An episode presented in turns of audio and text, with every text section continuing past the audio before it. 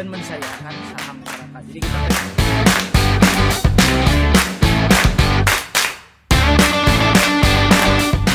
beda sama Jakarta kalau orang Bandung tuh uh, pasti investasiin buat sekolah anak evolve into something new gitu. Kupu-kupu mungkin ke- Eh, ayahku tuh satpam gitu kan di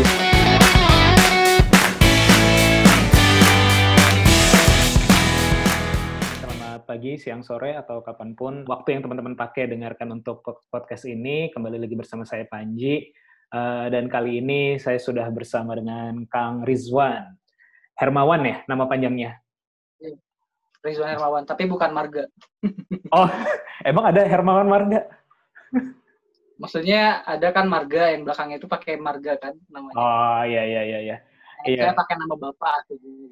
Eh, eh, bagi beberapa yang sering nonton TV ya mungkin ya, atau ngelihat di sosial media, kalau belakangan ini eh, Kang Rizwan ini sering muncul. Sering muncul di TV sebagai eh, istilahnya apa Kang? Pener- penerjemah bahasa isyarat atau Juru bahasa isyarat. oh ya juru bahasa isyarat ya. Iya. Beliau ini be- belakangan ini JBI. JBI ya. Eh, jadi juru bahasa isyaratnya untuk eh, Kang Emil ya eh, di untuk eh, spesifik untuk eh, konteks COVID ya kebanyakan belakangan ini ya. Betul. Gugus tugas ya, gugus tugas Jabar. Oh ya gugus tugas Jabar. Oke. Nah sebelum sebelum ngebahas tentang itu, saya pengen nanya-nanya dulu nih Kang. Ini saya saya cerita dulu ya. S- pada dasarnya ini sih Kang, dunia ini ya, dunia juru bahasa isyarat ataupun dengan teman-teman tunarungu gitu, saya tuh dunia yang sangat jauh lah kalau saya pribadi gitu. Eh, saya baru aware banget, walaupun sebenarnya saya baru inget-inget ternyata memang ada ada salah satu s- pembantu saudara saya sebelah rumah dulu di Jakarta itu eh, agak-agak tuli dan gagu. Jadi kita memang kalau ngomong dia dengan dia memang pakai tapi bukan bahasa isyarat sih, pakai suara yang lebih keras dan agak ya Gerak bibir. gerak bibir dan juga eh, karena dia orang Jawa, jadi kita agak bahasa Jawa gitulah ngomongnya gitu. Cuman ini tuh secara keseluruhan dunia yang jauh lah. Saya baru benar-benar aware dengan ini adalah eh, dan mungkin mulai concern dengan eh, teman-teman yang juga tunarungu gara-gara sekitar minggu lalu tuh saya bikin event. Saya bikin event, Hmm. eh, saya bikin webinar gitulah untuk peserta yang spesifik fotografer ya waktu itu. Saya cari eh, kebetulan kita lagi bikin program untuk para fotografer. Eh ternyata di lalahnya ada salah satu peserta yang saya baru ketahui belakangan ternyata dia tunarungu dan eh, tunawicara kayak gitu.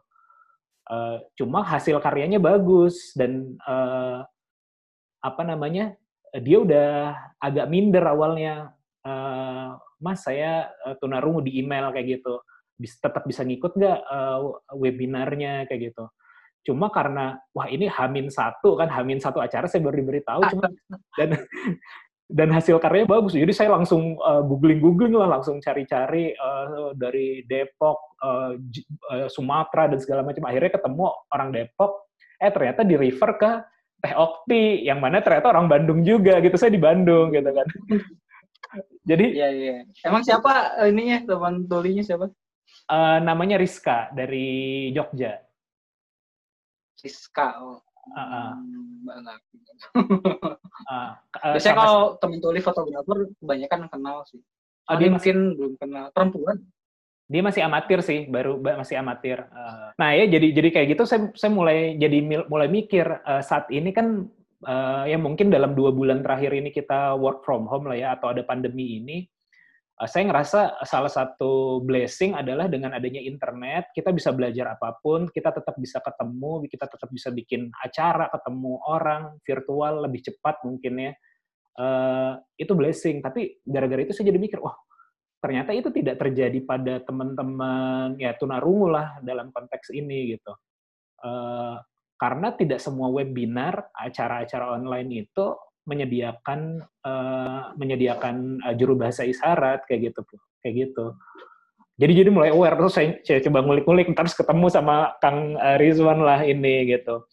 Nah, pengen pengen nanya sih Kang, eh, kalau Kang Rizwan ini apa memang sebelumnya dekat dengan dunia teman-teman tunarungu, eh, lalu belajar bahasa isyarat atau bagaimana prosesnya di awal? Ah, itu sih ceritanya waktu tahun 2015. Jadi itu awal-awal banget 2015 akhir tuh awal-awal banget belajar bahasa isyarat. Hmm. Karena satu dan lain hal terpaksa. terpaksa karena mengikuti acara waktu itu apa ya Hari Anti Korupsi Internasional dan di situ yang kosong itu divisi sahabat difabel. Oh. Nah, ketika waktu waktu pertama daftar tuh bener-bener blank apa itu difabel, apa itu disabilitas itu nggak tahu sama sekali. Malah taunya dulu tuh perspektifnya itu masih uh, kontonasinya negatif kayak berpikir disabilitas itu orang gila. Gitu. 2012 loh itu itu berarti Nah. lima tahun yang lalu ya. Iya iya. Sampai akhirnya saya ikut ke divisi tersebut belajar tuh tentang disabilitas macam-macam ragam netra, tuli, daksa, grahita dan lain-lain. Nah, Difokuskan di situ suruh milih untuk yang eh, setiap orang harus memilih satu ya. Udah saya pilih disabilitas yang tuli karena menarik untuk belajar bahasa isyarat ternyata seru.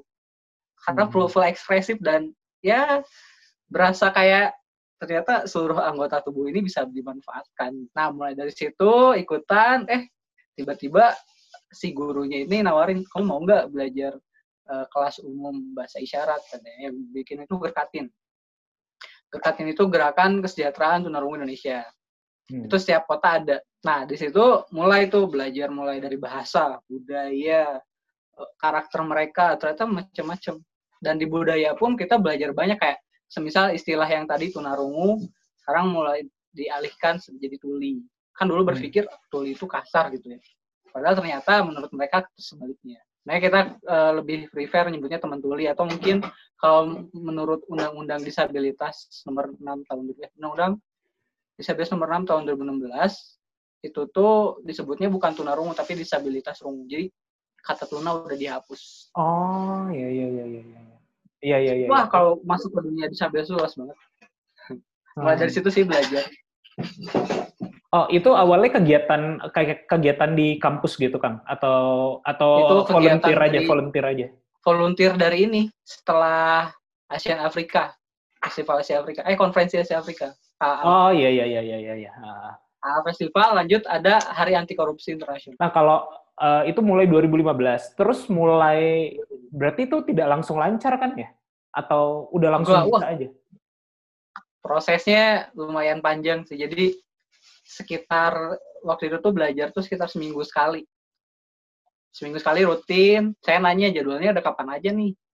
Senin, Selasa, Rabu, Kamis katanya. Senin sama Rabu itu yang udah tingkat lanjut. Selasa sama Kamis tuh tingkat dasar. Nah, waktu itu kan ikut yang dasar tuh Selasa Kamis jadi dua kali seminggu lah. Terus nanya eh apa namanya kalian kalau misalnya ngobrol atau misalnya rapat itu paham nggak? Oh paham sih selama ada juru bahasa isyarat. Nanya di Bandung ada nggak? Waktu itu 2015 nih nggak ada sama sekali juru bahasa isyarat. di Bandung. Oh iya. Sekota Kosong Bandung. yang ada itu iya ada itu ada di Bandung, cuman dia bukan asli Bandung, dia kuliah di UPI. Ah. Setelah kuliah lulus balik lagi ada yang kebetulan Solo, Jogja. yang asli Bandung waktu itu nggak ada. Nah waktu itu ikut kelas dasar bareng barengan berapa orang ya? Saya lupa sekitar 15 orang yang jadi juru bahasa isyarat sekarang itu mungkin empat. Oh gitu. Terus kalau berarti itu kan eh, apa ya? ta- tidak disengaja lah di awalnya dan memang tidak ada kedekatan. Saya pikir tadi awalnya ada anggota keluarga yang memang eh, apa ya tuli tadi itu gitu ya jadinya eh, mulai concern. Tapi ternyata memang karena kebetulan ya ikut event, volunteering di sana eh, dan yang dibuka dan tertarik malah ikut itu akhirnya jadi belajar keterusan kayak gitu ya. Iya betul. Malah jadi banyak teman di situ. Saya sebenarnya sebelumnya tuh pilih-pilih teman, sekarang malah jadi kayak dia tuli, wah dia harus jadi teman gue, kayak gitu. Saking serunya. Eh, iya. Kalau mau nanya ter- terkait dengan nggak tahu eh, tahu datanya apa enggak ya apa eh, Kang Rizwan tahu datanya apa enggak? Apakah memang teman-teman eh, jumlah teman-teman tuli ini banyak nggak sih di Indonesia atau di Bandung atau di Jawa Barat gitu? Kalau jumlah jelasnya sih nggak tahu ya. Pak. Kalau kalau data itu benar saya tanya istri ya, saya lupa. Bur? Ya. Data itu kalau teman-teman tuli itu aku lupa bilang pernah bilang berapa ya? Kalau disabilitas berapa? Eh, 2018 itu 21 juta. 21 Iya, juta. 21 juta dibagi 10. Itu menurut eh, BPS kan. Ah, ya sekitaran di atas jutaan lah. Mungkin Hmm, 13 persen. Iya. hmm. 15 persen, eh 13 persen dari jumlah disabilitas Indonesia itu tuli. Iya. Kalau tadi 21 berarti 2 juta lebih ya? Iya. Iya. Seluruh Indonesia sekitar segitulah. Tapi nggak tahu data jelasnya. Hmm. Mungkin bisa di Iya ya, nanti coba Googling. saya ah, saya googling googling juga. Ya, soalnya dari Kementerian Sosial juga datanya berbeda sama Kementerian Disdukcapil, Kementerian eh, yang lain. Sekarang memang baru Beda-beda. itu itu. Masih belum Hmm. ada penyamaan karena emang untuk mendata by name by address tuh masih prosesnya masih panjang. Nah, iya soalnya Karena ke- disabilitas kan emang bulan minoritas. Iya, iya. Soalnya tadi kan saya saya tanya apa eh, ketika oh ya acaranya ini eh, acara yang saya bikin ini terus Kang Rizwan nanya eh, nama pesertanya siapa gitu. Oh, saya pikir memang lingkupnya eh, nggak terlalu besar gitu. Tapi itu 2 juta tuh gede banget sih sebenarnya. Bahkan Iya. kemarin ketika yang saya bikin acara itu kan si eh, JBI-nya juga si Teh Teh Okti itu dia nanya ke saya nama pesertanya siapa?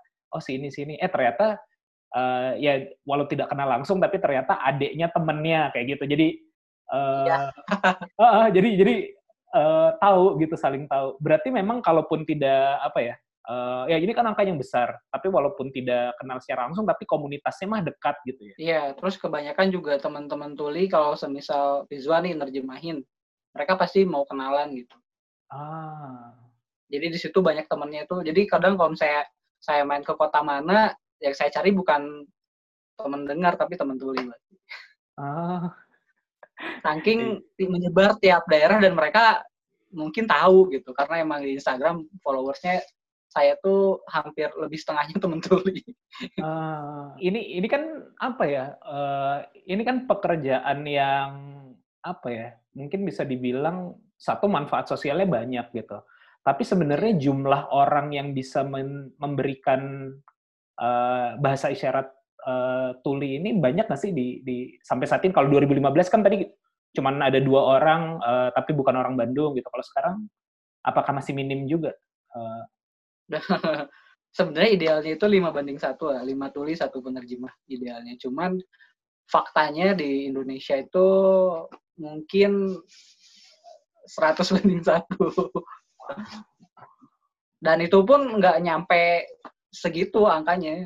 Jadi kalau misalnya menurut data yang ada di lembaga Hmm. yang aku naungi ya, apa yang menaungiku namanya PLJ, Pusat Layanan Juru Bahasa Isyarat, itu hampir 150-an lah insya eh, alhamdulillah sudah terdaftar. Tapi belum belum yang lain-lain yang belum terdaftar mungkin aku nggak tahu jumlah pastinya berapa. Tapi ya yang jelas masih belum memenuhi kebutuhan mereka lah untuk hmm, bisa sehari-hari bisa apa ya dianggap istilahnya itu setara dengan teman-teman dengar masih jauh Iya. Iya iya iya. Yang beda sama di luar negeri. eh, beda dengan di mana? di luar negeri di luar negeri itu juru bahasa isyaratnya udah spesifik jadi semisal kayak kedokteran dia juru bahasa isyaratnya khusus kedokteran Hmm. hukum juru bahasa isyaratnya khusus hukum berita ya khusus berita Eh, apalagi keagamaan khusus keagamaan itu kalau multisektoral gitu tapi kalau misalnya di Indonesia ini satu juru bahasa isyarat ya mencakupi semuanya Iya iya. mau nggak mau karena harus memenuhi kebutuhan Iya iya. Kemarin lembaga yang saya eh, yang ketemu Teh Hokti itu juga akhirnya pakai PLJ. Eh, kebetulan ada teman yang eh, kenal dengan koordinator Depok atau apa gitu ya, Mas Fajrus gitu. Terus saya kontak beliau, beli beliaunya nggak bisa di refer ke Okti kayak gitu. Terus oh ya udah akhirnya mulai mulai cuman saya kata tahu tahunya Fajrus juga bukan bukan sebagai JBI tapi tahunya dia dari Kode Margonda karena saya kan juga ada coworking gitu. Iya, dia emang calon wali kota Depok iya iya iya. aktif di mana Iya, iya. Nah berarti kan tadi masih minim ya ibaratnya. ya. Per, apa Minim. eh, idealnya adalah 5 banding satu, lima eh, orang tuli dibantu oleh eh, satu orang seperti itu. Cuman di Indonesia masih masih sedikit. Itu kira-kira kenapa ya? Apa karena nggak orang nggak terlalu aware atau memang eh, ini sebagai profesi dianggap tidak ya bisa dibilang mungkin apakah eh, tidak menjanjikan atau tidak ya bagaimana kalau menurut Kang Rizwan? ya balik lagi sih ke masyarakatnya karena emang mereka masih awam dan nggak tahu nih jadi ya mau nggak mau juga sedikit dan itu iya berhubungan dengan eh, kepedulian kita sensitif nggak dengan lingkungan kita Hmm. kalau misalnya emang sensitif orang tua harusnya bisa berbahasa isyarat Hmm. Tapi ya kebanyakan untuk saat ini di Indonesia ini ya, orang tua yang punya anak tuli ya dia isyaratnya home sign, isyarat rumah. Oh. dan nggak nggak isyarat terstruktur. Dan kebanyakan ya mirisnya mereka orang tua yang punya anak tuli itu pengen anaknya bisa berbicara seperti orang benar. Makanya ada beberapa juga yang ekstrim kayak di rumah tuh kamu nggak boleh berisyarat kamu harus ngomong. Padahal secara fitrah ya secara fitrah itu mereka dikaruniai Allah dengan tanpa pendengaran itu dikaruniai tambahan itu dengan bahasa isyarat dan jadi bahasa isyarat itu bahasa ibu bahasa utama bukan bahasa kedua dan ya orang tua yang seperti itu masih banyak sih dan semoga dapat hidayah Iya sih. Iya sih. salah sih sebenarnya nggak nggak salah nggak salah juga karena itu kan harapan ya harapan dan tingkat keberhasilannya juga mungkin nggak nggak sebanyak yang difikirkan mungkin sa- satu dari tujuh mungkin satu gitu yang berhasil dia bisa mendengar menggunakan alat dan bisa berbicara secara lancar Hmm. seperti mungkin Angki Angki Ya. Distia Iya iya tahu. beliau beliau ya beliau tuli tapi menggunakan verbal dan bisa mendengar dengan jelas Iya iya iya. Iya berarti ter- terkait dengan kepedulian ya. Eh, kalau saya sebenarnya, kalau saya pribadi sebenarnya eh, tertarik eh, menggunakan bahasa isyarat sebenarnya udah udah apa ya? eh, udah agak lama, tapi lebih kayak pengen kayak bahasa kode gitu loh dengan istri gitu. Jadi iya Eh, awalnya awalnya gitu. Dulu tuh gara-gara saya suka dengerin ada satu band lah di Jogja gitu, band Jogja. Dia ngeluarin video klip, ngerilis video klipnya tuh dengan eh, dengan bahasa isyarat, apa namanya?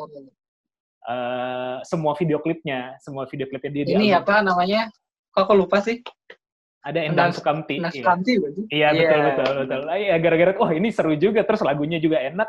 Saya jadi agak agak sedikit belajar dari situ kan dan eh, apa JBI-nya nggak tahu ya itu namanya siapa. Cuman ekspresif banget kan dan mengikuti musiknya dengan enak. Jadi wah ini kayaknya seru banget Enak. deh kayak gitu. iya tapi bukan. tapi sampai saat ini saya cari datanya ternyata si perempuannya itu bukan JBI Oh bukan sebenarnya. Oh berarti dia model Ya, aja talent. ya.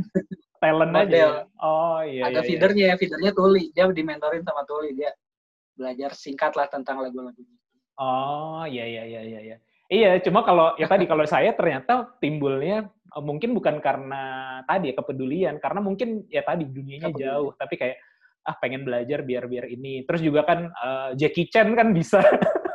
saya ngefans banget sama Iya. Jackie Chan tuh. Jadi, wah kayaknya keren. Eh, ya. banyak sih artis-artis yang Ah. mulai ini syarat ini. Masya Iya, bahkan kalau kan semisal apa ya eh, apa namanya jumlah penerjemah aja kan di Indonesia ini sedikit terus eh, ada fakta menarik juga Hmm. rata-rata penerjemah itu perempuan kebanyakan mayoritasnya perempuan Hmm. Sembilan banding satu lah oh.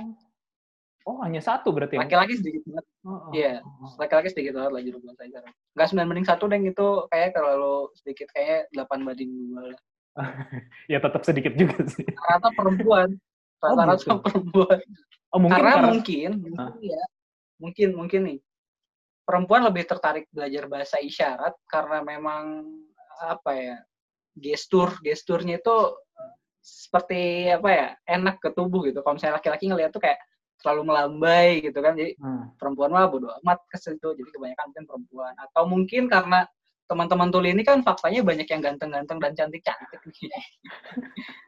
jadi mungkin perempuan itu lebih tertarik belajar isyarat karena gurunya. Karena emang rata-rata nih aku nggak nggak berbicara berbasis apa ya. Di, di kelasku dulu emang rata-rata perempuan tuh alasannya itu karena gurunya tampan. Oh gitu. iya Tadi saya pikir agak-agak sedikit, oh berarti perempuan lebih pedulian, saya pikir mungkin itu juga rasa empati kan perempuan lebih besar lebih kan, tinggi. Iya, iya, iya, iya. iya. Terus juga bahasa isyarat ini belum dijadikan apa ya? Yang tadi yang disebut profesi. Jadi ngapain gue belajar bahasa isyarat? Oh, gue kan gue kerjanya yang lain gitu. Hmm. Gue kan kepala keluarga laki-laki. Gue kan kepala keluarga. Jadi gue harus benar-benar apa ya? mengefektifkan apa yang harus gue pelajari dan itu bisa dipakai untuk pekerjaan.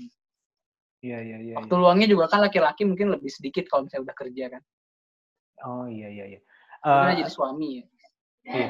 tadi tadi sebelum itu sih apa yang ngomongin artis kemarin ketika saya lagi memang lagi benar-benar nyari penerjemah karena karena Hamin satu dan Hamin satunya bukan 24 jam ya Eh, baru tahu tuh jam berapa malam gitulah dan kita acaranya besok gitu kan jadi eh, saya saya gerilya di grup-grup di Instagram dan segala macam nah salah satu yang respon adalah eh, ada temen yang kenal saya lupa namanya siapa ya karena nggak nggak terlalu ngikutin eh, ex personilnya Peter Pan, eh, ex personilnya Noah, katanya dia juga bisa bahasa isyarat. Oh iya, Kang Ihsan, Kang Ihsan. Oh, Kang Iksan ya, ya, ya, ya. Terus Iya, kontak, dia, Minji. dia, dia dulu additional basis, additional basis. oh, additional Noah. basis Sekarang ya. jadi sekarang jadi penerjem eh, juru bahasa isyarat Islam dia, lebih khusus ke keagamaan. Oh, iya, iya, iya. Iya, karena saya dat saya dapat dapat kontaknya. Eh, eh, Nji, ini eh, ada nih Kang Iksan, tapi dia udah ngasih kabarnya jam 11 malam apa jam 12 malam gitu. Sedangkan saya udah udah dapat eh, Okti kayak gitu. Jadinya oh ya udah udah udah udah sama Okti kayak gitu. Iya, jadi ya jadi itu kan ya mungkin kalau bagi saya itu bisa tergolong artis lah gitu. Seru sih emang kalau bahas tentang dunia yang emang kita belum sentuh sama sekali. Iya, iya, iya. Nah, aku baca juga di di internet ya eh, terkait dengan tadi eh, Kang Rizwan bilang eh, yang laki-laki nggak terlalu banyak gitu. Terus juga mungkin eh, mungkin yang Muslim juga nggak terlalu banyak gitu ya. Makanya saya baca salah satu artikel eh, katanya Kang Rizwan pernah ngikut acaranya Darut Tauhid itu ya sebagai penerjemah dan berangkat umroh gara-gara memang memang itu gitu memang yang apa ya yang irisannya kecil gitu yang laki-laki yang muslim ya hanya Kang Rizwan gitu pada pada waktu itu memang sampai seperti itunya gitu ya. Iya, karena emang apa ya, dulu tuh singkat cerita, Darut Tauhid ulang tahun. Nah. Ulang tahun yang keberapa ya, saya lupa. Dia bagi-bagi tiket umroh gratis untuk 20 eh, pendaftar yang waktu itu datang ke acara Darut Tauhid ulang tahun. Nah, 10-nya itu, eh enggak, 40 deh, 20-nya itu disabilitas. Oh, Nah, yang disabilitas itu nyampur. Dan ternyata teman tuli itu banyak banget yang datang. banyak yang datang, tapi waktu itu emang karena masih awam, nggak ada juru bahasa isyarat, dan aku pun masih belajar gitu ya. Hmm. Mungkin sekitar dua bulan baru belajar, tiba-tiba ada acara event gede kayak gitu. Teman tuli ngontak, Rizwan di mana bisa bantu sini nggak juru bahasa isyaratin? Lah, aku kan baru belajar dua bulan kemarin. Nggak apa-apa sini. Nah, waktu, waktu itu hari Minggu kan, hari Minggu tahulah sendiri, mandi itu males. Jadi baru apa udah jam 7 disuruh langsung mendadak ke sana itu berangkat tuh langsung. Nggak pikir mau mandi apa berangkat langsung dah. Baju yang penting gelap udah warnanya gelap aja. berangkat langsung nyari panggung. Mana nih panggung? Bra- udah, udah ramai banget tuh jemaahnya udah berapa ribu ya? Terus penuh banget gak sibuk kan Hmm. minta izin pak saya naik panggung untuk menerjemahkan teman tuli Eh, ada banyak gitu yang datang. Oh bilang ke ini bilang itu kondisinya panjang banget. Karena ya karena masih awam itu. Sampai akhirnya sekitar setengah jam kemudian baru saya naik panggung.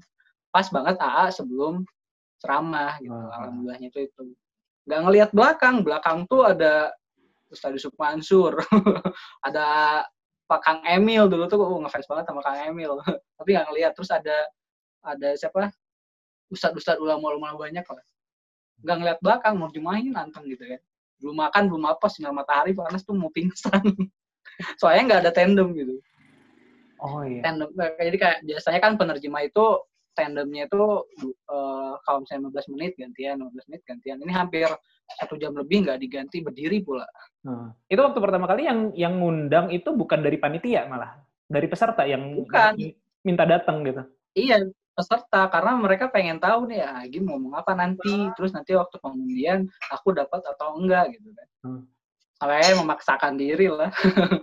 Dengan isyarat yang terbata-bata waktu itu. Oh. isyarat yang sangat-sangat terbatas kosa katanya itu masih terbatas apalagi tentang Islam. Tapi teman-teman tuli ini karena apa namanya sangat butuh terus kayak ketika aku meng- ke- jadi kan isyarat itu ada abjad ada isyarat perkata ada isyarat konsep kata-kata jadi kalimat. Waktu itu banyak banget spellingnya jadi ngomong apa panjang banget ya terus teman tuli ngasih tahu oh itu isyaratnya ini nah di situ juga sambil belajar sih hikmahnya di situ. Setelah siang baru tuh ada ya ini teman-teman denger Yang yang lain. bantu. Iya, dia datang acara selesai. Aduh, pas banget pengundian tapi pas banget Ah. pengundian. Jadi waktu pengundian dia yang mengundi. Eh, 11 tuli itu terpilih jadi apa namanya ikut umroh. Nah, ya alhamdulillah ya Nah, jadi alhamdulillah. Ah, sekitar nunggu lima bulan sekitar Hmm. nunggu lima bulan setelahnya baru berangkat. Nah di situ kesempatan buat terus belajar. Ah. lebih banyak sih awalnya cuman dua kali seminggu mintanya tiap hari. Tiap hari belajar.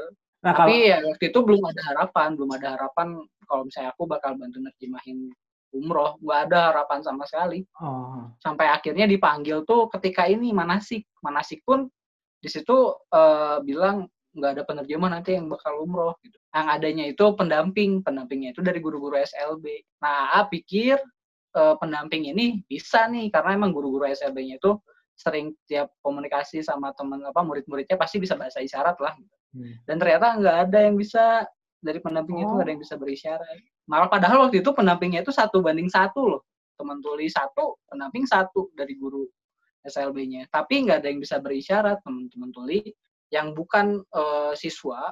Hmm. jadi ada ada berapa yang bukan siswa ya? sekitar empat empat apa lima orang lima orang yang bukan siswa dia protes. Saya harus tahu dong nanti proses di sana ngapain aja ah nanti ngomong apa saya harus tahu. Sampai akhirnya guru-guru juga duh bingung gimana nih nggak ada yang bisa. Ketika manasik tuh ada JBI di situ kesempatan tuh teman tuli ngomong sama oh gitu? Aduh gimana tuh ya? Jana aku nerjemahin kamu ditodong. Hmm. Kamu bisa nggak nanti katanya. Tapi tiketnya udah ini nggak bisa dipesan sekarang. Paspor kamu ada nggak? Nggak. Aduh gimana ya katanya. Udah nanti ya coba cari jalan lain. Seminggu setelahnya baru dikabarin. Suruh bikin proses paspor. Hmm. Oh. proses paspor pun yang sehari jadi. Oh. Karena karena udah itu ya? tujuh berangkat. Oh, tujuh berangkat. Itu baru paspor kan belum visanya ya berarti ya? iya paspor terus eh, suntik meningitis dan Oh. lain-lain itu prosesnya tuh di waktu cepat Eh, Iya ya, berarti mungkin memang udah rezekinya sih Kang kayak gitu mah, udah udah udah digariskannya begitu berarti itu ya. iya alhamdulillahnya di situ Nah. Nah, berarti kalau kalau kayak gitu saya jadi makin ini sih ke teman-teman yang eh, teman-teman tulinya ya. Berarti kan eh, tadi kalau dibilang kalau di luar negeri bahkan udah ada per masing-masing mungkin bisa bilang kategori ya, kesehatan, eh, eh, ibadah atau keislaman atau eh, berita dan lain-lain gitu. Karena karena mungkin eh, konteks penerjemahannya dan bahasa isyaratnya mungkin agak lebih beda ya antara kategori kategori-kategori ini gitu ya. Mungkin kalau yang Betul. biasa ya kayak kesehatan kan apalagi yang zaman sekarang gitu, pasti kan banyak banget istilah banyak banget banyak istilah yang apa ya, yang bahkan bagi orang normal juga asing gitu. Iya, makanya itu kadang jadi tantangan sendiri kalau misalnya untuk di Indonesia sendiri ya. Nah. Makanya saya kalau misalnya tugas tuh lihat dia Hmm. materinya apa gitu kan. Kadang kalau misalnya materinya emang baru, saya pasti minta materinya untuk dipelajari dulu kata-kata yang emang nggak bisa disyaratin, saya tanya ke teman tuli. Saya bikin Hmm. sendiri itu tuh teman tuli yang buat. Oh gitu. Oh jadi ini bahasa masih Iya. terus berkembang gitu ya? Masih kata baru pasti ada isyarat. Soalnya di Depok tuh di UI ada namanya LRBI, Oke. Apa itu? Laboratorium Riset Bahasa Isyarat. Oh. kadang tiap daerah juga membuat isyaratnya sendiri. Nah, nanti biasanya mereka menyepakati untuk Indonesia ini isyaratnya seperti apa. Soalnya faktanya tiap daerah beda-beda isyarat itu. Oh gitu. Oh berarti Kayak bahasa daerah. oh, tadinya tuh saya pikir waktu-waktu yang beberapa tahun lalu itu eh, saya mencoba belajar wala- walaupun belum jadi apa-apa ya. Eh, saya waktu itu memahaminya hanya ada dua apa ya dua jalur sih atau jalur atau berapa jalur dua jalur lah kalau nggak salah ya. Tapi ternyata variasi di eh, negara dan di negara pun di daerahnya masing-masing bisa jadi lebih varian lagi ya. Betul. Soalnya bahasa isyarat itu sama kayak bahasa daerah. Kayak Sunda, Betawi, Jogja, Jawa kan. Hmm. Terus eh, Batak, dan lain-lain itu beda. Hmm. Ya, ya, ya. Kalau jenis, kalau jenis sebenarnya di Indonesia ini satu, di Sindo kan. Bahasa isyarat Indonesia. Cuman dibikin lagi saingannya, ada saingannya ada namanya CB, itu sistem sistem isyarat bahasa Indonesia itu tujuannya sih untuk belajar bahasa Indonesia kayak ada apa namanya konsonan katanya tuh bener-bener lengkap gitu ada imbuhan dan lain-lain mengikuti struktur bahasa Indonesia padahal bahasa isyarat ini kan verbal dia punya grammarnya sendiri lah Iya, iya, iya. Oh, jadi kayak kata-katanya itu dibalik-balik Karena kalau nerjemahin kalau nerjemahin satu full kalimat mungkin terlalu panjang mungkin ya. Jadi jadi mungkin pakai frase atau apa gitu kali ya. Iya, betul. Jadi disingkat, jelas, padat dan difahami lah, difahami secara lumayan. Kalau misalnya ketimbang dengan mengikuti kata-kata bahasa Indonesia, kalau diisyaratnya malah jadi aneh. Hmm, oh gitu. Ya ya ya ya. Nah, kalau kalau semasa Covid ini saya juga kemarin baru nonton eh, eh kemarin apa ya semalam lah kalau nggak salah saya baru nonton video ada video di Asumsi atau di eh eh, saya lupa di mana gitu ya. Bahwa ternyata memang eh, pada masa Covid ini juga eh, teman-teman tuna apa ya, teman-teman tuli ya, teman-teman tuli itu eh, kesulitan dapat informasi karena memang tidak ada tidak ada apa ya? Ya mungkin baru-baru ini aja ya. Saya lihat kan kayaknya kalau yang di TV saya, saya ngikutin yang di Jabar sama di DKI ya.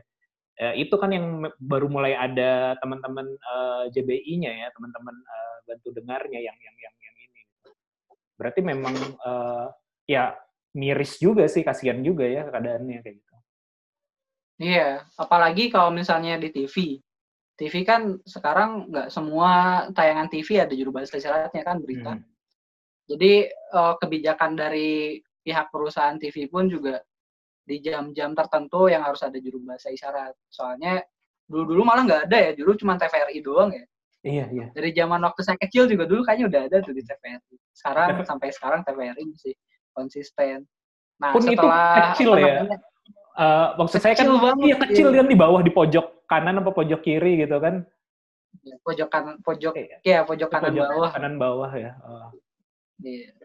Itu kecil banget ukurannya beda kalau misalnya di luar negeri itu bisa disetting mau di ukurannya itu setengah-setengah atau full. Oh. Itu canggih kalau udah di luar. Terus di luar tuh media itu udah ada kayak live captioning. Jadi eh, apa namanya? Teks ya Tiap langsung jadi narasi itu pasti langsung keluar ada teks. Iya. Hmm. Otomatis mesin otomatis. Hmm, iya sih. Iya berarti sini masih jauh lah ukuran gedungnya masih kecil. Terus juga nggak semua tayangan ada juru bahasa isyarat. Hmm. terus juga apa ya banyak lah banyak hal yang emang harus dibenahi dan masih panjang ke depannya untuk bisa sama kayak di negeri-negeri yang sudah dianggap apa ya kita ini kan inklusif gitu. Iya, iya. Iya, berarti iya makanya tadi kalau saya pemahamannya mikir eh, oh ya di zaman eh, masa Covid ini eh, keterbatasan gitu ya, memiliki keterbatasan eh, akses informasi, bahkan ikut acara-acara online juga minim, bisa minim. Akhirnya saya mikir mikir lebih dalam lagi. Jangan-jangan memang bukan cuman pada masa ini gitu, pada masa sebelum masa Covid ini juga apa ya, masih masih termarginalkan lah teman-teman eh, yang disabilitas gitu aksesnya terhadap informasi TV sedikit gitu. Jangankan kalaupun mau ngikut acara offline gitu acara seminar zaman dulu ya zaman dulu zaman normal lah ya. Kan juga nggak nggak semua acara. Iya deh gara-gara pandemi saya jadi pakai istilahnya kayak gitu gitu ini aduh ini ini parah sih zaman sekarang nih. Iya, tapi tapi konteksnya adalah jangan-jangan memang selama ini sebelum masa ini pun uh, memang mereka keterbatasan gitu ya terhadap akses informasi, mereka terhadap akses akses ya kayak nonton TV gimana bisa mungkin akses hiburan gitu kan, akses pendidikan, akses hiburan. Tadi aja guru contoh beberapa tadi SLB uh, gurunya belum tentu bisa bahasa isyarat ya kayak gitu. Iya, gitu.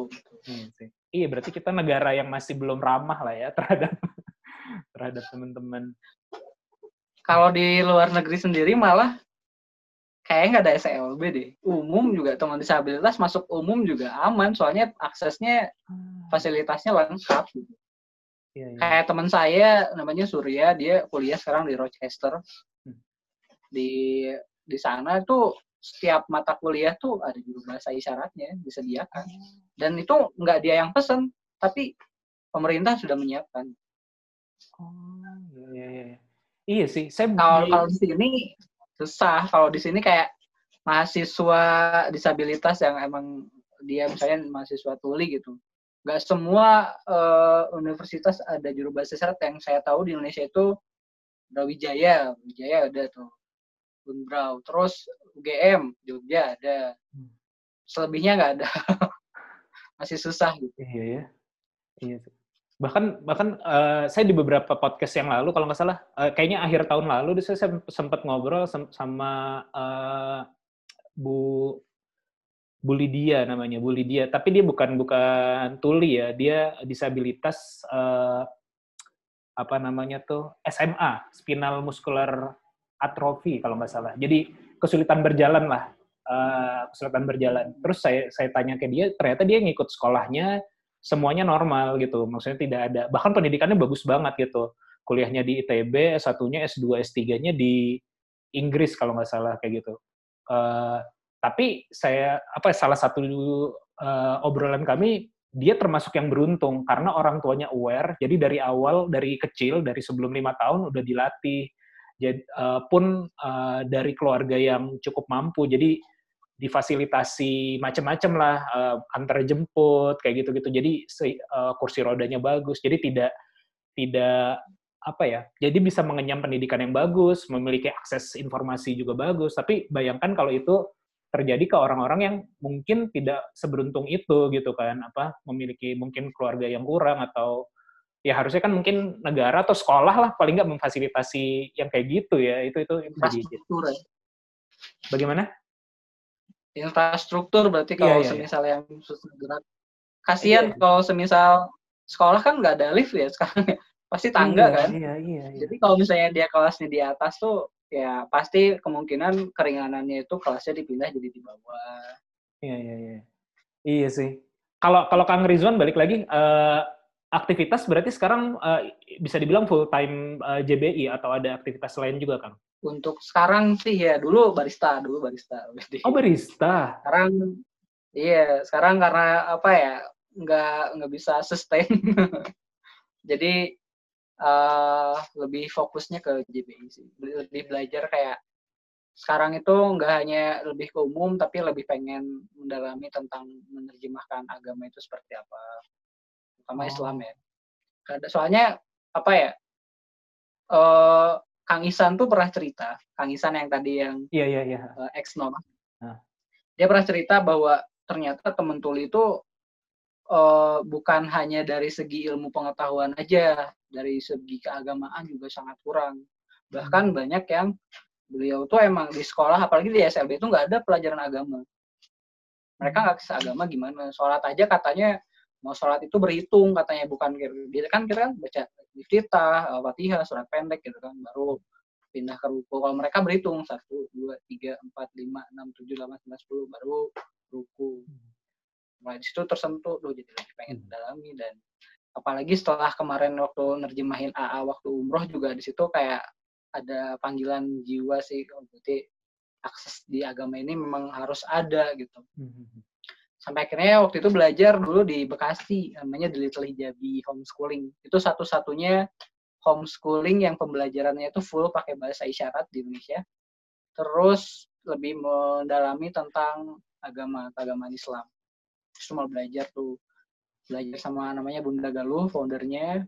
Diajarin banyak hal tentang istilah-istilah Islam, mulai tentang linguistik bahasa isyarat yang baik dan benar seperti apa. Terus eh, setiap gerakan tuh biasanya yang dulu nggak nggak dimasukin nyawa sekarang katanya cara caranya gimana biar penyampaiannya itu bisa lebih ngena ke hati bukan hanya di pikiran itu belajar banget dari bunda dari beliau Hmm, iya akhirnya sih. memberanikan diri untuk menerjemahkan dakwah-dakwah kayak misalnya di masa pandemi ini biasanya waktu bulan Ramadan tuh sebelumnya di Jakarta kan ada Hijrah Fest Iya, iya. Nah, misalnya eh, Hikmat tuh nerjemahin di Hijrah Fest selama tiga hari full, nginep di sana nerjemahin dari pagi sampai malam. Sekarang karena pandemi, jadi Hijrah Festnya Hijrah Fest from home. Nah, di situ nerjemahin setiap dakwah-dakwah Ustadz. Eh, nggak semua sih, jadi kayak pilihan jadwalnya siapa aja nanti diterjemahin. Dan Alhamdulillah karena Hijrah Fest from home, juru bahasa isyarat Indonesia pun bisa jadi apa bisa berkontribusi buat menerjemahkan Hmm. acara tersebut. Iya, iya, iya. Itu berarti kalau kalau yang eh, konteksnya kalau yang sekarang eh, yang Hijrah Fest eh, from home ini berarti nanti eh, live juga atau ada video record di Oh, live juga. Live di YouTube via Zoom. Oh. Kalau bisa, kalau misalnya boleh lihat tuh referensinya bisa lihat aja di YouTube Hijrah Fest itu setiap Hmm. dakwah ada penerjemah full. Nggak Oh, full sih, iya, iya, kalau keren. pilihan jadwal teman tuli. Oh iya, iya. keren keren. Ini soalnya saya besok juga rencana mau interview ada dari teman-teman para kerja sih. Eh, saya lihat juga Oh, di- eh, mereka di Instagram kan eh, full sering live. Iya sering live uh, dan full ini kan full uh, full pakai bahasa isyarat kayak gitu kan dan itu wah keren banget sih saya jadi ya lagi-lagi mau mencari tahu lah ibaratnya ya lagi tertarik. Kapan-kapan mungkin narasumbernya bisa langsung teman tulinya Kang Panji. Iya sih rencana kemarin dapat uh, ya itu saya lagi bikin gerakan yang fotografer itu ternyata memang ada beberapa yang mendaftar dari dari teman-teman tuli gitu yang mendaftar. Uh, terus saya jadi mikir sebenarnya kan saya bikin yang uh, jadi yang acara kemarin itu sekilas aja acara yang kemarin itu uh, saya kepikiran bikin satu platform untuk foto sharing lah tapi bisa ya intinya bisa menghasilkan dari rumah dengan kamera lah kalian bisa foto-foto yang kita minta nanti ada yang beli kayak gitu. Nah ternyata uh, kemarin ada yang daftar ada dua atau tiga dari teman-teman uh, tuli kayak gitu. Terus saya mikir, oh jangan-jangan uh, tadinya saya hanya mengincar teman-teman yang kena PHK di rumah, tidak produktif, bisa mencari uang dari rumah lah. Tapi ternyata jangan-jangan uh, teman-teman yang uh, tuli juga punya uh, permasalahan seperti itu. Bahkan kemarin yang salah satu yang uh, hadir di webinar itu Rizka itu dia bilang sebelum ini pun saya udah ngelamar macam-macam dia bilang "Eh, tapi nggak diterima karena ada misalnya media tidak tidak menerima eh, tuli yang kayak gitu bahkan bahkan eh, frontal seperti itu padahal kan maksud saya akses ya kalau fotonya bagus gitu loh nggak ada nggak ada masalah dengan skill gitu kan Eh, sayang jadinya gitu iya jadi Iya, kepikiran Kadang kayak masih masih gitu sih jadi kayak ngelihat di luarnya bukan lihat di dalamnya ya. iya iya jadi Padahal sebetulnya kemampuan mereka itu apalagi kalau bidang multimedia nih. Hmm. Visual mereka tuh melebihi kita orang-orang dengar. Hmm. Jadi Iya, karena- kayak Allah tuh mengambil sesuatu, pasti Allah memberikan sesuatu yang lebih gitu untuk menutupi kekurangannya kan. iya iya iya iya sih Bahkan makanya banyak saya, temen saya juga banyak fotografer kok. Kayak Vanop, dia Ivan namanya Ivan, dia fotografer yang sekarang udah profesional. Hmm. Dia tuli. Hmm. Terus Bang Zul mungkin kenal Bang Zul. Bang Zul yang ini ya eh, ASEAN ya kemarin ya apa namanya? Iya, Paralimpik tanpa ya? tangan tanpa kaki. Iya, Iya, iya, iya. fotografer dan tangan. Itu teman saya tuh dia di Banyuwangi. Hasil fotonya juga bagus tuh. Sekarang jadi ambasadornya Canon gitu kan. Hmm. Sebenarnya banyak teman-teman disabilitas yang punya karya, cuman ya mungkin belum terekspos secara penuh. Jadi kayak orang-orang berpikir itu melihatnya dari kelemahannya dulu, baru Hmm. nanti kayak aduh gua nggak mau repot lu kan kerja gitu kan harusnya lu menghasilkan sesuatu buat gua bukan gua mem- mengerjakan buat lu terus lu ke gua gitu kan Iya iya iya. masih iya. kayak gitu sistem padahal sih. kalau misalnya ada akses sih sama aja sama kayak kita gitu Iya iya iya iya iya. Iya betul betul. Ya itu sih lagi lagi lagi mencoba itu makanya saya coba ketemu teman-teman baru lah ini dunia baru juga buat saya pengen pengen kenal lebih jauh. Eh ya termasuk juga dengan Kang Rizwan gitu. Dan dan ya alhamdulillah kita bisa ketemu di sini akhirnya gitu. Kalau baristanya eh, ini Kang apa eh, masih jalan? Belum? Belum lagi? masih belum sih karena apa ya pengen gerak lagi kayak masih nyari tempat yang strategis di mana. Soalnya kebetulan juga dulu kan kedai kopinya tuh ya kedai kopi umum lah pada biasa pada apa pada umumnya gitu pada biasanya itu karena emang sekarang lebih ke banyak bergaul sama teman tuli jadi pengen kayak kolaborasi kayak kalau misalnya kalau di Jakarta kayak kopi, Kopi Tul, tul, tau iya Kopi kopi Tul. tul tahu. Bandung kan belum ada nah pengen bikin juga sempat rebranding juga cuman belum dieksekusi sih Hmm, ya ya ya ya ya. Oke, ya mudah-mudahan tapi kayak mesin-mesinnya masih bikin Oh, udah udah invest invest ini ya, udah udah banyak invest mesinnya. ya? Oh, karena sebelumnya udah buka. Nggak sebanyak itu sih Iya, ada ipar saya tuh ada toko kopi juga, eh, kedai kopi kecil lah gitu di Palembang. Eh, tapi ya saat mungkin di saat pandemi ini juga tidak beroperasi secara penuh karena dia hanya melayani delivery aja sih. Jadi memang online ya online ekonomi juga lagi kurang mungkin nanti setelah itu ide yang bagus sih kang Eh, apa ya eh, mungkin segmennya spesifik tapi juga jadi ada nilai sosialnya juga lah kalau kalau nggak salah kalau- kopi tuli memang ownernya juga ini ya apa namanya Tuli. tuli juga ya kalau saya pernah lihat videonya ini dia dia eh, apa diwawancara gitu. Hmm, ya ya. ya. Disebutnya Trimas Ketir. Dia tiga-tiganya tuli foundernya. Founder sama co-founder. Oh, Bisa karyawannya tuli juga, kasirnya tuli, hampir semua yang mengoperasikan tuli. Oh iya, Keren iya sih. Jadi itu berdaya berdaya masing-masing ya. Ba- Bagus sih bagus. Oh saya taunya yang perempuan doang sih yang yang yang pakai jilbab juga. eh, lupa namanya. sih. Putri Santoso. Ya Putri Santoso betul. ha. Kalau yang ada founder lainnya saya belum belum belum ngelihat sih. Seru sih kalau Nah. emang bahas apa ya, bahas kekurangan mah ya pasti semua orang punya kekurangan gitu. Tapi lebih asik kalau kita bahas kelebihannya. Ya, ya. Oke Kang, paling kayak gitu aja. Thank you waktunya Kang nih. Eh, insight-nya menarik banget sih. Eh, mudah-mudahan ya mudah-mudahan ini saya, saya sebenarnya tema besarnya kalau di podcast ini kan banyak kan membahas bisnis dan profesi sebenarnya. Cuman eh, saya juga belakangan ini malah ngambil-ngambil eh, ya banyak profesi guru yang saya interview guru SMA saya sendiri terus juga eh, ya profesi ini JBI juga mungkin ya salah satu kejarannya sih ingin ingin ngangkat awareness juga di masa ini sebenarnya banyak banyak banyak pekerjaan-pekerjaan yang eh, mungkin tidak terlalu dilihat awalnya gitu. Kan nih sekarang yang naik mah kalau di pandemi nih eh, di tenaga kesehatan aja gitu yang ini yang jadi kerjaan eh, apa ya ga- garda terdepan lah atau apa gitu. Sedangkan kan banyak juga yang memang memang apa ya ya kayak misalnya Kang Rizwan tiap hari berarti kan harus pergi ke gedung sate itu kan keluar rumah dan rentan. UDP. ya rentan udah gedung sate itu saya kalau Bandung ini kan zona merah. betul. Saya itu terakhir eh, tepat sebelum WFH tuh saya ke gedung sate. Dan terus saya kan main ke comment centernya itu kan.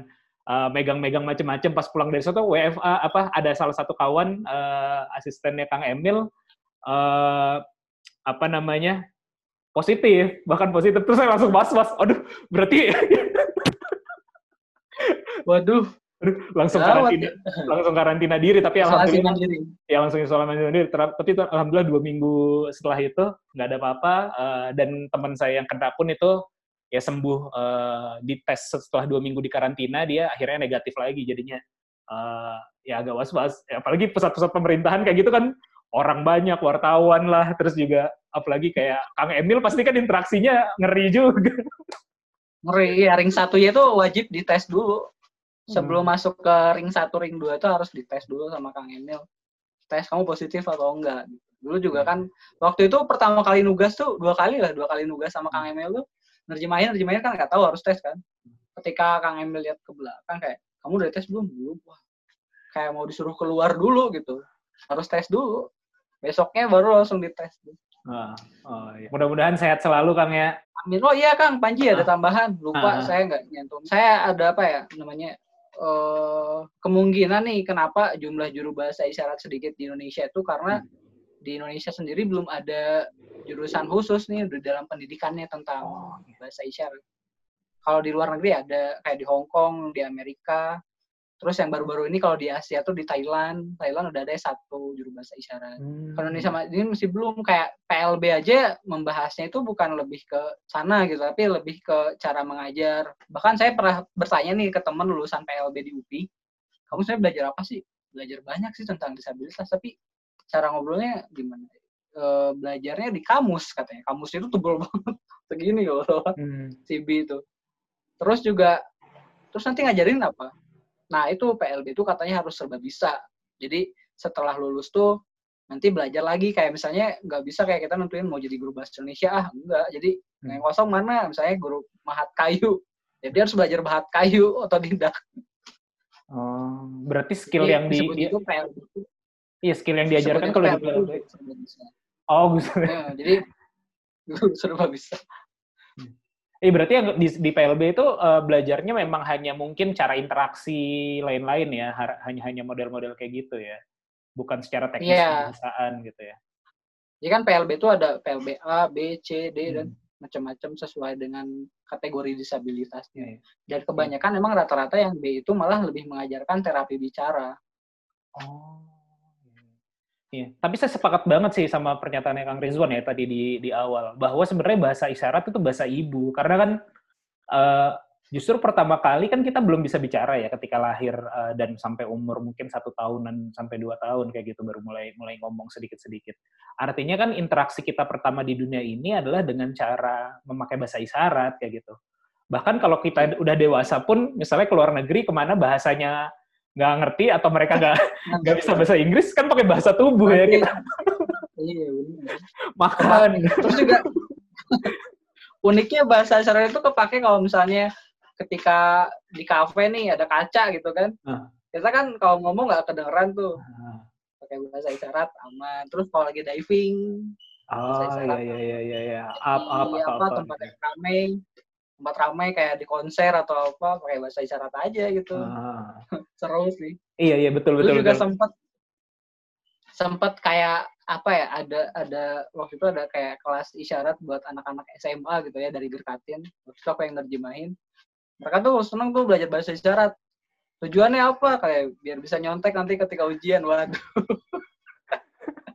parah sih tapi emang bahasa isyarat tuh multifungsi banyak banget dan efeknya juga terasa sih katanya kalau misalnya kita ekspresinya terus dipakai awet muda itulah kenapa Hmm. teman-teman tuli kayak dia umur puluhan tahun tapi kayak masih belasan tahun karena emang setiap harinya dia menggunakan ekspresi. Iya iya iya iya.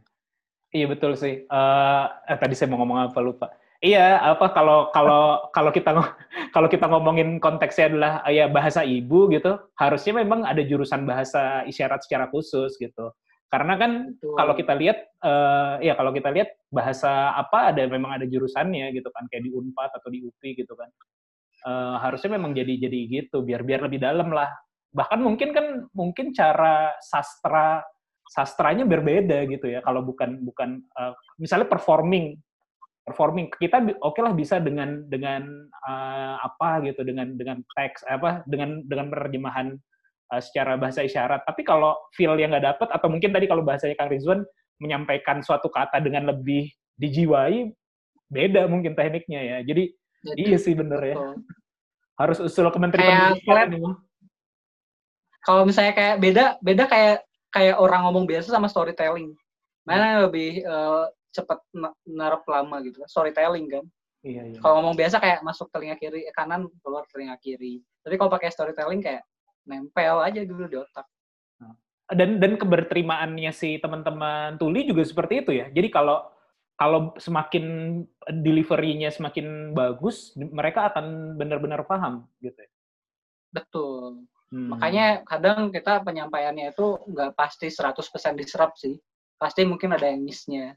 Tapi Hmm. itu bisa jadi evaluasi ke depannya biar kayak kita sama teman tuli ini dapat chemistry nih 100%, sama teman tuli yang lain belum tentu gitu. Karena emang pemahaman tiap orang kan berbeda-beda. Nah, itu yang Hmm. dijadikan biasanya di da- dasar bahan dasar evaluasi ketika kita setelah bertugas. Hmm. Terus pernah nyadar nggak sih ngelihat kenapa sih juru bahasa isyarat pakainya baju hitam terus? gitu? Iya iya tadi saya mau nanya lupa itu. Kenapa tuh biar lebih kelihatan gitu ya?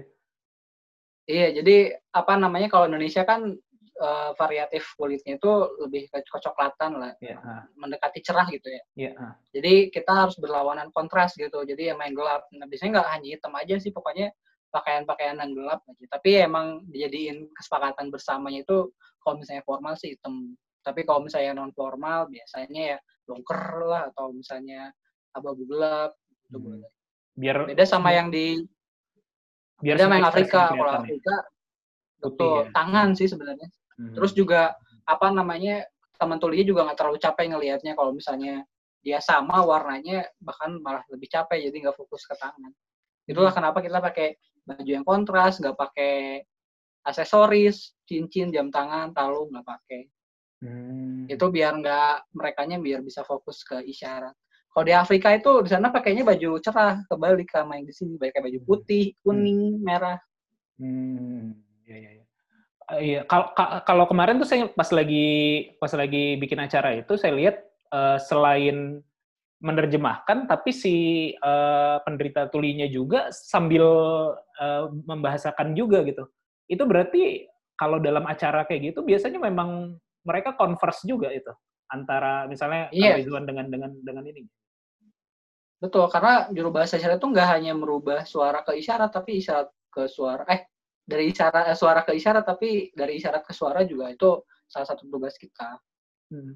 Oh, jadi jadi bisa sambil simultan juga gitu ya. Berarti ditangkap sambil menangkap menerjemahkan sambil menerjemahkan juga gitu ya.